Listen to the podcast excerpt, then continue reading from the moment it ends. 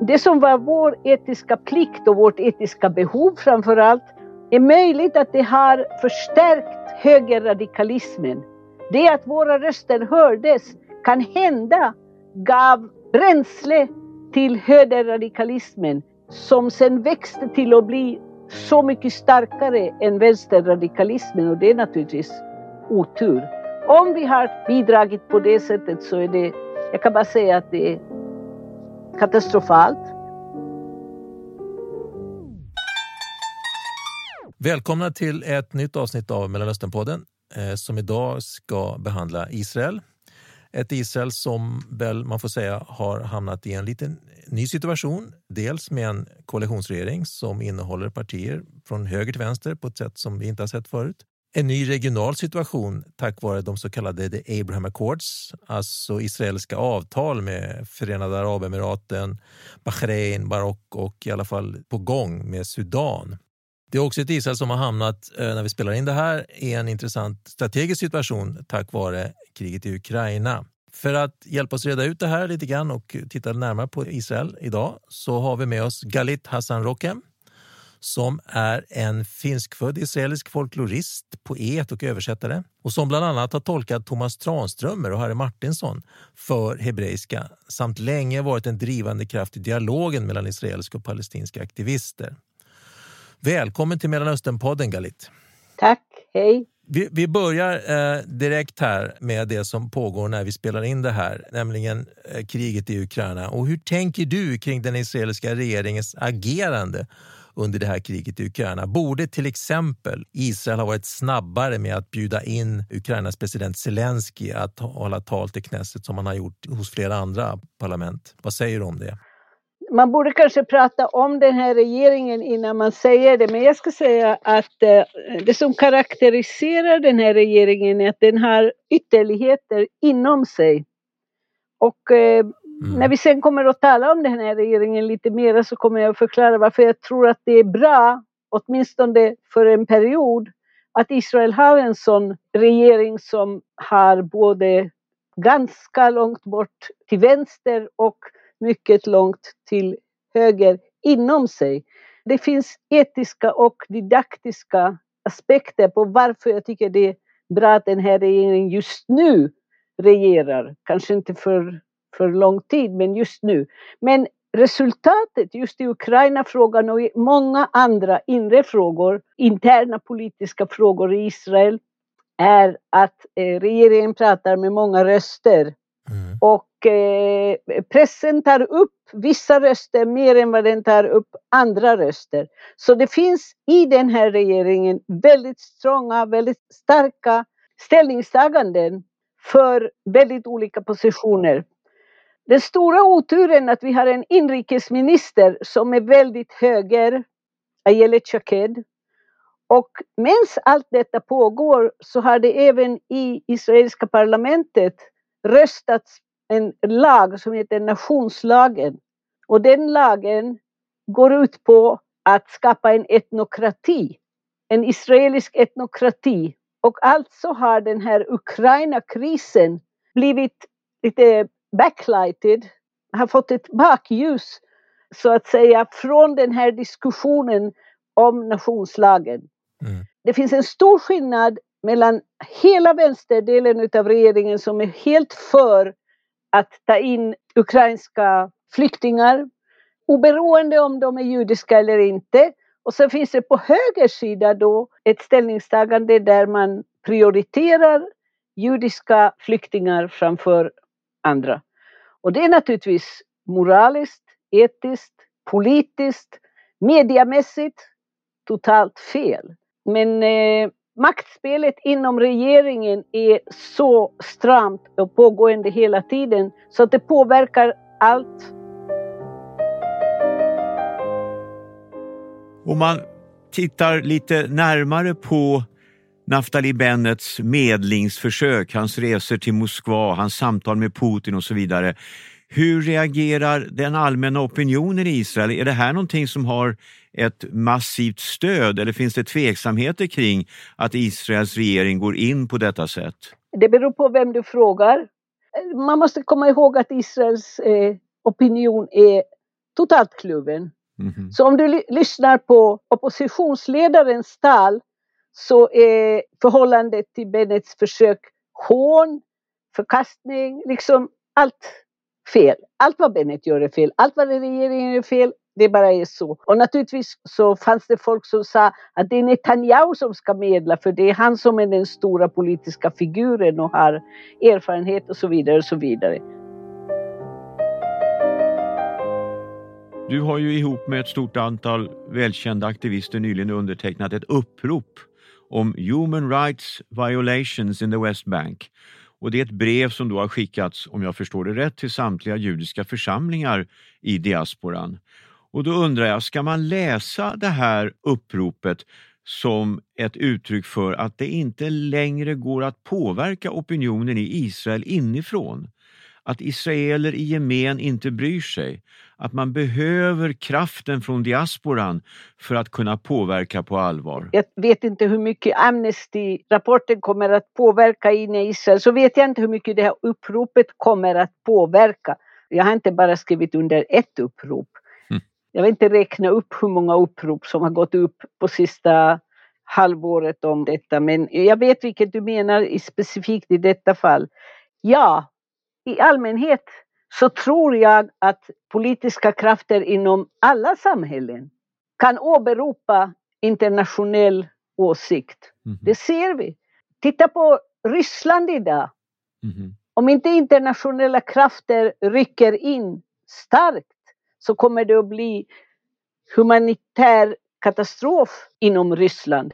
Jag har det som allmän princip, inte bara fall, det här specifika fallet, att man får åberopa internationella solidariteten. Jag tror att som uppväxt i en vänsterrörelse från ungdom, från barndom, så har internationell solidaritet alltid betytt mycket för mig och eh, jag tror att eh, Sverige har varit ett exempel på det i Afrika på 60-70-talet och så vidare och så vidare. Sen att man åberopar de judiska församlingarna, det har att göra med att de judiska församlingarna på ett och annat sätt är inblandade i israelisk politik ändå. Mhm. Genom ekonomiskt stöd, genom den lagen, den etnokratiska lagen som vi har som möjliggör för varje judisk person i världen att bli israelisk medborgare om hon eller han så väljer. Genom det så blir judarna, om de vill eller inte, medansvariga för det som händer inom israelisk politik. Och därför så tycker jag att man måste påminna dem ibland vad det är som händer i, så att säga, deras namn, Mhm. även om det inte är det. Galit, säg någonting om hur vi ska, ska vi säga, definiera ordet etnokratisk. När du säger etnokratisk, vad betyder det för dig? Vad, är, vad innehåller det här ordet? Så det handlar om den här lagen som precis röstades nu för en vecka sedan, tror jag, eller tio dagar sedan, Mm. som heter The Nation Law, la- eh, nationslagen, som definierar Israel som det judiska folkets stat. And that's it. Vänstern hade velat lägga till den judiska folkets stat och alla dess medborgares stat. Det var eh, bortgångne Yossi Sarids sätt att jämka den här spänningen. Och det kom inte in i den här lagen nu. Den används framförallt just nu för att inte tillåta familjer som består av en israelisk arab och en palestinsk arab från Västbanken eller från Gaza som är gifta att bosätta sig tillsammans i Israel. Detta betyder att det finns en etnokrati som ger preferens Mm. till judar från utlandet framför palestinier som bor två kilometer ifrån den gröna linjen. Det kallar jag för etnokrati. Jag vet inte om den termen används i, i politiska diskussioner allmänt men det, det slår mig att det, är det, vi, det är det vi sysslar med, Mm. en etnokrati. Okej, Mm. tack. En relaterad fråga då är ju det här faktum att i den nuvarande israeliska regeringen så sitter det ett, ett arabiskt parti. Och inte bara det, det är ett islamistiskt arabiskt parti, Ram. Hur skulle du kommentera det? Vad, vad betyder det, tror du, att det gör det? Och att de har, de har för första gången reell makt och inflytande? Ja. det som, som vanligt har åtminstone två sidor, Magnus. Om inte, fyr, om inte fyra. Om, om inte, inte fyra, fyra. Nej, eller fler. Just det. Jag vill börja med det islamistiska. Naturligtvis har jag ett obehag, för att inte säga starkt motstånd mot det att det sitter en bigamist, en människa som lever i bigami, mm. i den koalitionen som jag egentligen stöder på många sätt.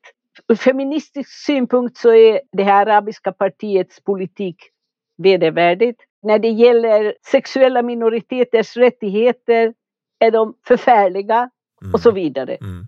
Samtidigt sitter det i samma regering då Nitzan Horowitz som är vår hälsominister och som är en öppet homosexuell person. Och Meretz-partiet är framförallt förespråkare för sexuella minoriteters rättigheter i israeliska samhället utom alla andra socialistiska och fredsprinciper som de kör. Motsättningarna är enorma. Mm. Men jag tror, som jag sa redan i början, att den här regeringen har ett etiskt och ett didaktiskt värde. Mm. Att eh, göra det synligt och väldigt hörligt, hörbart kanske man ska säga, att olika åsikter kan nå resolutioner, kan arbeta för eh, civilsamhällets bästa. Och det är det de har som sin praktik. Först och främst så har vi blivit av med en mycket korrumperad och rutten regering och ledningen av Netanyahu var farligare för varje dag som gick för att så många principer offrades på en persons förmåga att manipulera rättssystemet och det ekonomiska systemet. Men det, mm. det är det första. Sen tror jag att bara det här att man ser att olikheter kan komma tillsammans för att bygga skolor, för att ha ett sjukvårdssystem och så vidare mm. är väldigt hälsosamt. Sjukvårdssystemet är ett intressant fall genom att det är så rikt. Det finns så många arabiska läkare, sjuksystrar, sjukvårdare i vårt eh, hälsosystem.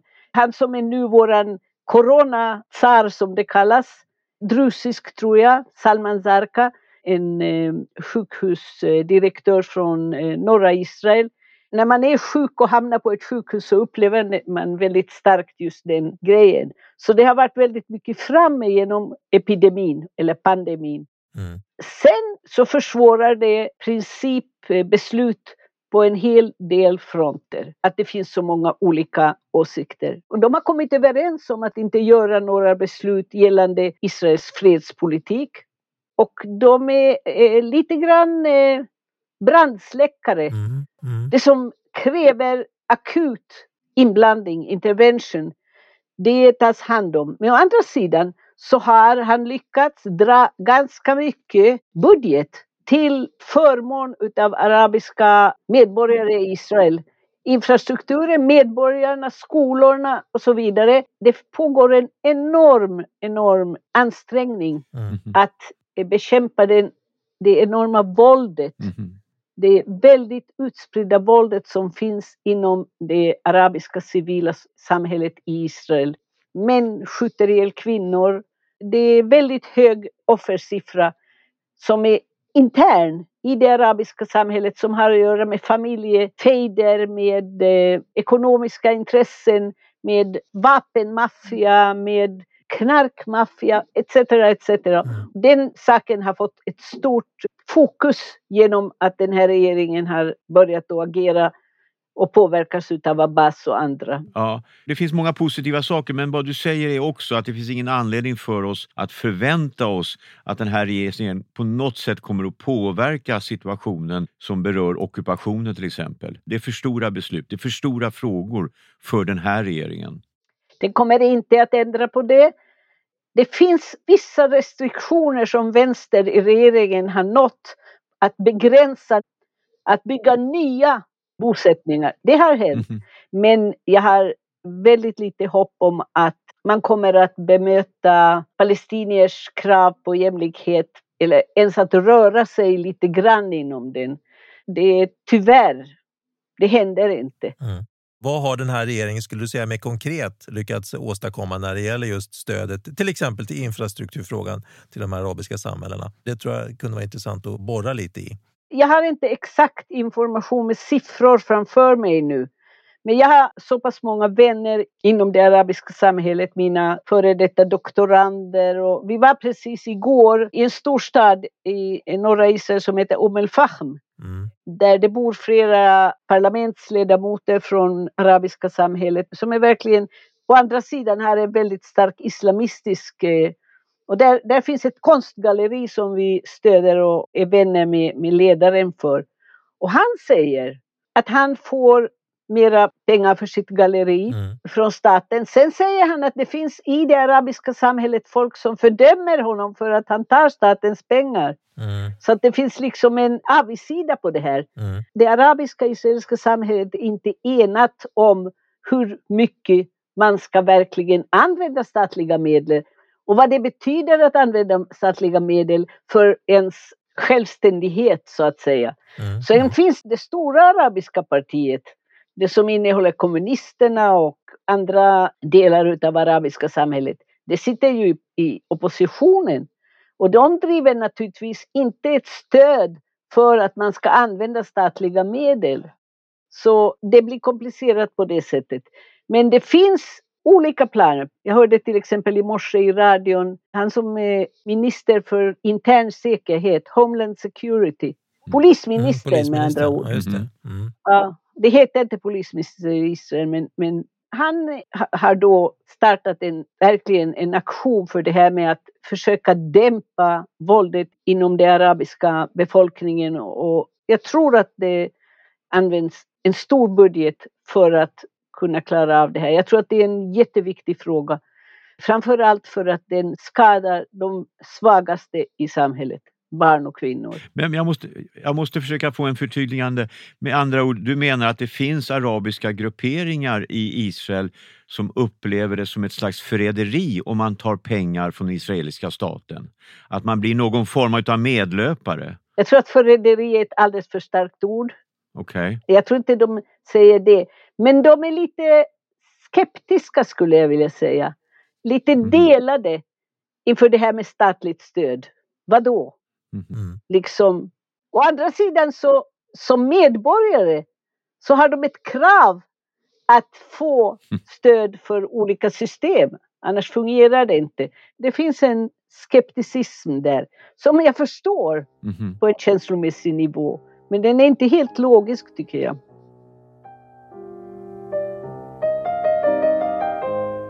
Okej, okay, om vi går vidare och lyfter blicken lite grann och så tittar vi på The Abraham Accords.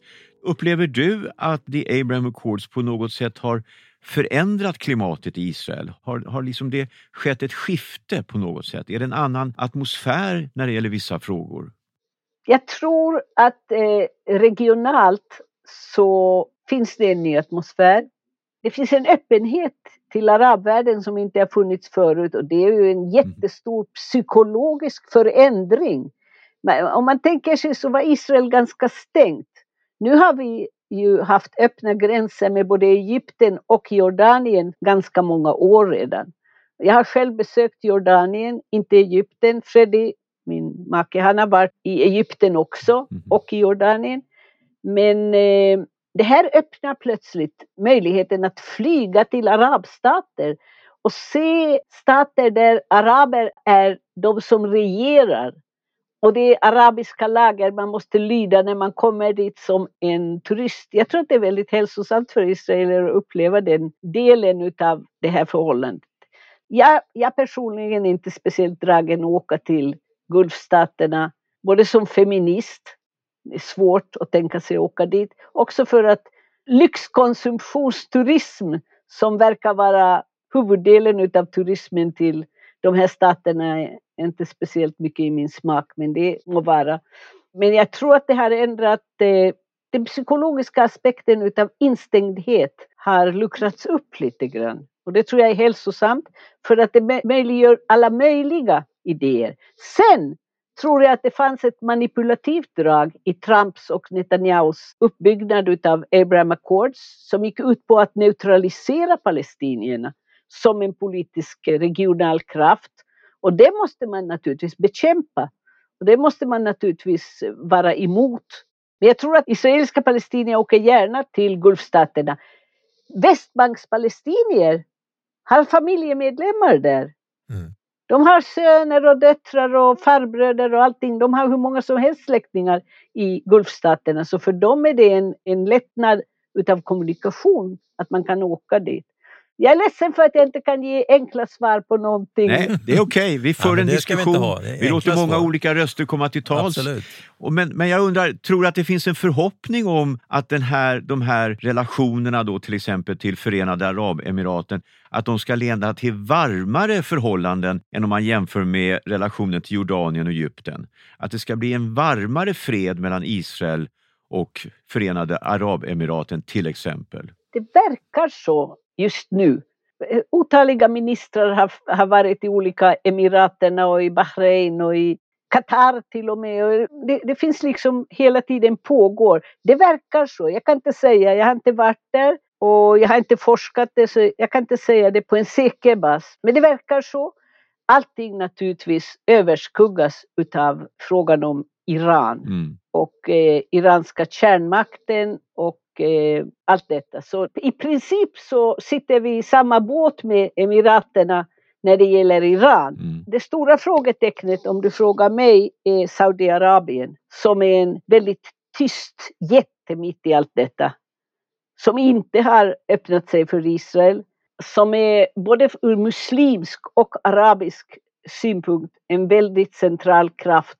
Och det är ett stort frågetecken som jag inte alls vet eh, hur man ska börja tänka på. Men samtidigt är det ju svårt att se det som att the Abraham Accords kunde äga rum utan att Saudiarabien på något sätt godkände de här dealen. Jag antar att du har rätt. Absolut. Är det också så, tror du, känner du av, upplever du, att relationen i Israel till det arabiska kommer att förändras beroende på the Abraham Accords? Alltså om har man varit och besökt Förenade Arabemiraten och kommer tillbaka till Israel, har man då på något sätt påverkats av vad man har varit med om? Jag tror det. Jag kan inte riktigt säga var det liksom kommer att uttrycka sig i det politiska livet. Men jag tror att för människor som har varit, och det är massa israeler som har åkt, och det är inte överklassintellektuella som har åkt dit framför allt, utan det är eh, folk som har åkt dit liksom. Mm. Stora turistgrupper som har åkt och avnjutit eh, lyxet och oljeparadiset. Jag tror att det påverkar. Nu har vi ju ett exempel här närmare och det är Turkiet. Israeler har i långa perioder åkt till Turkiet och, och varit där. Det gjorde inte att det inte blev en politisk kris mellan Israel och Turkiet i ett visst stadium. Just nu håller Erdogan på att försöka värma upp situationen med Turkiet. Men jag tror att turistresandet till Turkiet och till Gulfstaterna, till Emiraterna och så vidare är liknande fenomen och deras påverkan på politiken är väldigt eh, indirekt. Jag vet inte riktigt hur man ska beskriva det.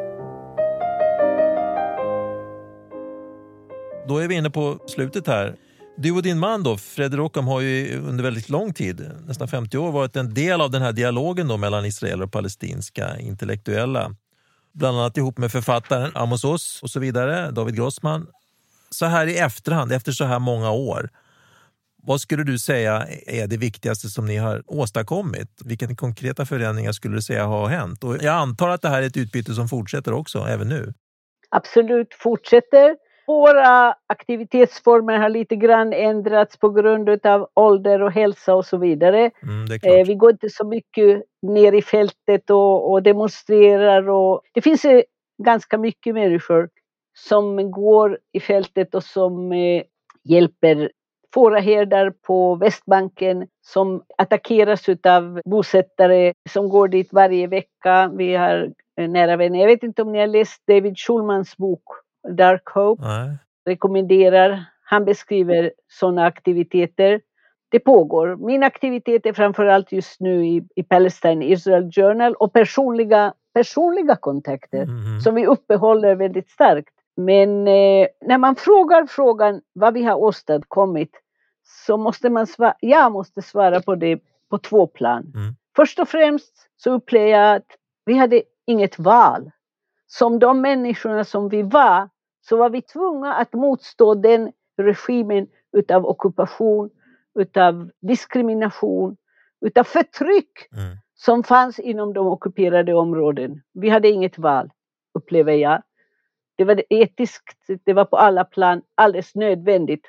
Jag tror att det har bidragit till den, eh, det moraliska medvetandet i samhället. Att det finns de rösterna Mm. Och att de finns där de finns och de gör det de gör. Mm. Sen är det svårt att säga något om resultaten. Det som var vår etiska plikt och vårt etiska behov framför allt är möjligt att det har tillfört eller det har förstärkt, tillskärpt högerradikalismen. Det att våra röster hördes kan Mhm. hända gav bränsle till högerradikalismen som sen växte till att bli så mycket starkare än vänsterradikalismen och det är naturligtvis otur. Mhm. Om vi har bidragit på det sättet så är det, jag kan bara säga att det är katastrofalt. Mm. Men jag tror inte att vi kunde agera på ett annat sätt i den situationen som vi var. Sen om man tänker på framtidsperspektivet så är jag pessimistisk Okej, varför det? och, och optimistisk. Och optimistisk. Jag ska säga först varför jag är pessimistisk. Eh, framförallt utav demografiska skäl. Precis som i Amerika, evangelisterna, den gruppen som förökar sig mest och växer mest i befolkningen. Så i Israel, de grupperna som växer mest är de ultraortodoxa och de extrem högra bosättningsgrupperna. De har 8 till 15 barn grupper som de som jag representerar kommer aldrig att föröka sig på det sättet. Vår andel inom befolkningen kommer att minska och på rent demokratiska principer kommer vi att förlora fäste och makt och så vidare. Jag är illa rädd för det. Nu är det här ett perspektiv på 50-60 år så jag behöver inte vara med om det men, men jag tror att det är dit det för. Tyvärr. På det optimistiska så tror jag att det finns så många pragmatiska orsaker utav förbättring utav levnadstillstånd, utav standard of life, utav eh, hälsosystemet och så vidare som kommer förbättras utav varje fredlig lösning. Och det finns en chans. Folk kommer att se det ljuset Mm. tidigare eller senare. Jag, måste få ställa en följdfråga som handlar om de här dialogerna som du och Freddy har fört under så pass lång tid. Känner du att hållningen hos dem ni har pratat med på andra sidan har förändrats på ett genomgripande sätt? Känner du att du möts av andra attityder, förväntningar, förhoppningar från de som ni pratar med? Ja, det finns ju en norm inom den nationella rörelsen som heter antinormalisering. Vi hade en jättestark kvinnorörelse tillsammans på 90-talet, palestinska kvinnor och israeliska kvinnor, fredsrörelse. Den har slutat att agera öppet. Jag kommer inte ihåg i vilket politiskt stadium det var när det kom den här idén om att man måste sluta med normaliseringen. Jag tror att det var när Oslo Accords rasade slutgiltigt. Mhm. Men jag sitter ju i en redaktion som är totalt paritetisk, palestinsk-israelisk. Det finns alltså folk som inser att normalisering inte är en, igen, en signal som man använder alldeles för brett. Mm. För att agera i motstånd måste man göra saker tillsammans. Sen finns det grupper som är mera isolerade på båda sidorna. Men det finns till exempel en grupp i Jerusalem som jag varit väldigt aktiv i förut, men det fanns för många aktiviteter så jag avgick från styrelsen där, som heter Ir Amim, Folkens Mm. eh, stad som handlar om det mångkulturella och framförallt det mångreligiösa i Jerusalem som också sysslar med bostadsförhållande, med levnadsstandard, med rättigheter, med lagliga rättigheter, ägande utav jord, saker som är väldigt centrala i Jerusalem just nu. Vem äger marken i Sheikh Jarrah? Mhm. hela den här kampen om Sheikh Jarrah som vi har varit väldigt aktiva i.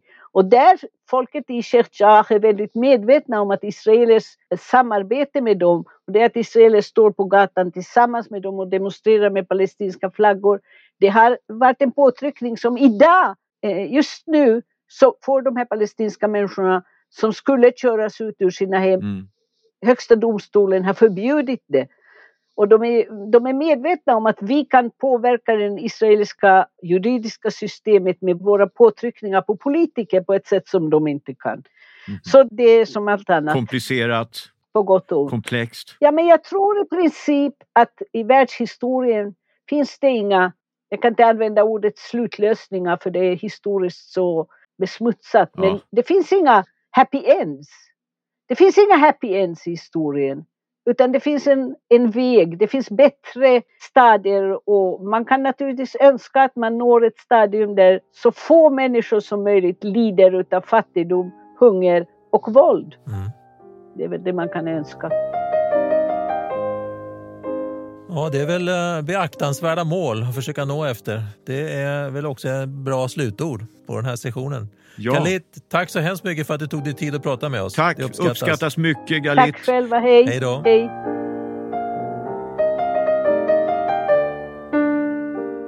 Nästa avsnitt av Mellanösternpodden kommer torsdagen den 16 juni.